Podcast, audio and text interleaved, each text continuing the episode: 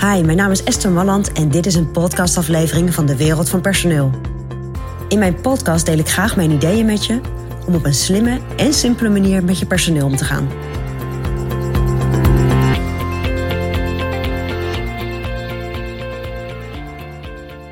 Ja, je hebt dus die nieuwe medewerker in je bedrijf. En die eerste dag, dan heb je het goed geregeld. Iemand komt binnen, wordt goed opgevangen. Nou, er wordt wat uitles gedaan. En die tweede dag en die derde dag gaan ook nog goed.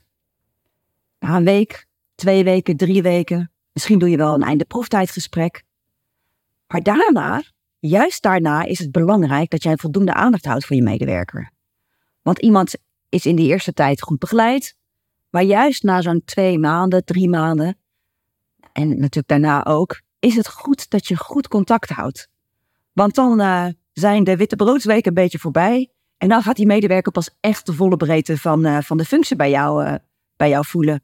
En dat is goed om dan heel goed met elkaar te blijven praten. Van joh, is dit wat je verwacht had? Hoe zit je in het werk? Heb je alles nu ongeveer onder de knie? Moeten er nog dingen bijgeleerd worden? Dus ook nadat iemand uit die proeftijd is gekomen, of door die proeftijd heen is gekomen, ja, hou dan gewoon goed aandacht voor je medewerker. En heb af en toe een gesprekje. Om gewoon te blijven toetsen of iemand lekker zit bij je. En ik denk dat dat vooral belangrijk is voor jongere mensen. Want wat wij toch wel zien in de praktijk, is dat jongere mensen na een eerste hype, leuk, lekker, aan de slag, na een paar maanden denken, hm, ik weet toch niet goed of dit, uh, of dit wel echt mijn, uh, mijn functie is.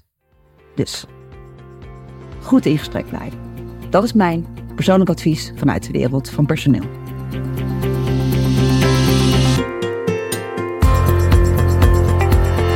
Ja, vond je dit een interessant advies? Abonneer je dan op dit kanaal. En wil je nog meer van onze gratis adviezen?